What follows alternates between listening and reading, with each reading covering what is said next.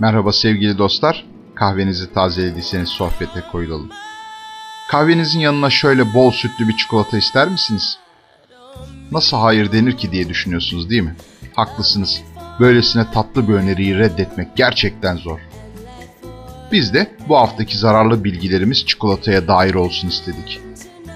Çikolatanın temel maddesi adı Latince tanrıların besini anlamında Theobroma kakao olan kakao. Kakao ağacından elde edilen kakaodan çekirdeği bir kısım işlemden geçtikten sonra çikolata ortaya çıkıyor. Kakao ağacı sıklıkla Batı Afrika, Batı Hint adaları ve Güney Amerika'da yetişmekte. Çikolataya ait bilgiler neredeyse 3000 yıl öncesine kadar uzanmakta.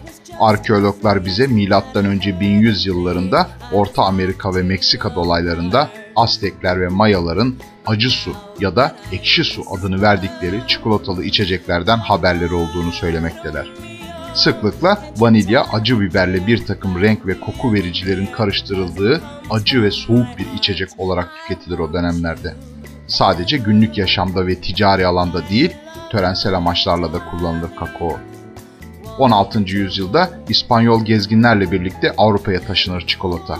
Oldukça pahalı olması nedeniyle sadece elit kesim tarafından tüketilir doğal olarak. Bir statü sembolü olarak dönemin en güçlü sarayı İspanyol sarayının baş içeceği haline gelir kısa sürede. Yüzyıllar boyunca çikolata sıcak suda veya sütte eritilir ve genellikle biraz da şarap eklenerek içilir. Wolfgang Schwelbusch, Keyif Verici Maddelerin Tarihi adlı kitabında Kuzeybatı Avrupa'da burjuvazinin protestan simgesi olan kahvenin karşısında çikolatanın Güney Avrupa'da aristokrasinin katolik içeceği olarak yerini aldığını söyler. 17. yüzyıldan itibaren İspanyol sarayının misyonunu devralan Versailles Sarayı çikolataya da el koyar. Böylece zarafeti, aristokrasiyi çağrıştırır hale gelir çikolata.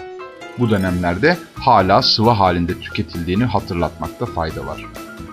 O döneme ait bilgiler çikolatanın sabah kahvaltısında soylu dostlarla birlikte tüketilen tatlı ve keyif verici bir içecek olduğunu işaret eder. Hatta Fransa'da bu kahvaltılar öylesine bir hal alır ki yapılan tablolarda yatağında elinde çikolata fincanıyla kahvaltı veren soylular görülür. Son derece bohem bir yaşam tarzının sembolü haline gelir çikolata. Resmin ve edebiyatın önemli ilgi alanlarından biri olur.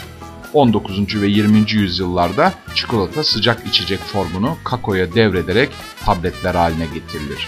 Schwelbusch kitabında Katolik kökenine inat günümüzde iki önemli protestan ülkenin Hollanda ve İsviçre'nin birincil üretim alanları haline dönüştüğünü anlatıyor çikolatanın. İnsanı sofraya bir kere davet ederler. Tıpkı yatağa çağırdıkları gibi.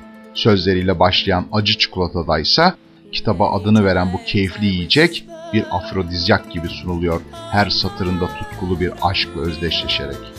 Ronald Dahl, Charlie'nin çikolata fabrikasında yılda bir kez çikolata satın alabilen küçük bir çocuğun hayallerini çikolata şelaleleriyle renklendiriyor. Goethe'nin aristokrat yaşam tarzıyla özdeşleştirdiği Meksika İmparatoru Moctezuma'nın hareme girmeden önce kadeh kadeh içtiği çikolata sosyal yaşamımızda hala önemli bir yer tutmakta. Bir dahaki buluşmamıza kadar kahveniz sıcak, sohbetiniz koyu olsun. Sevgiyle kalın.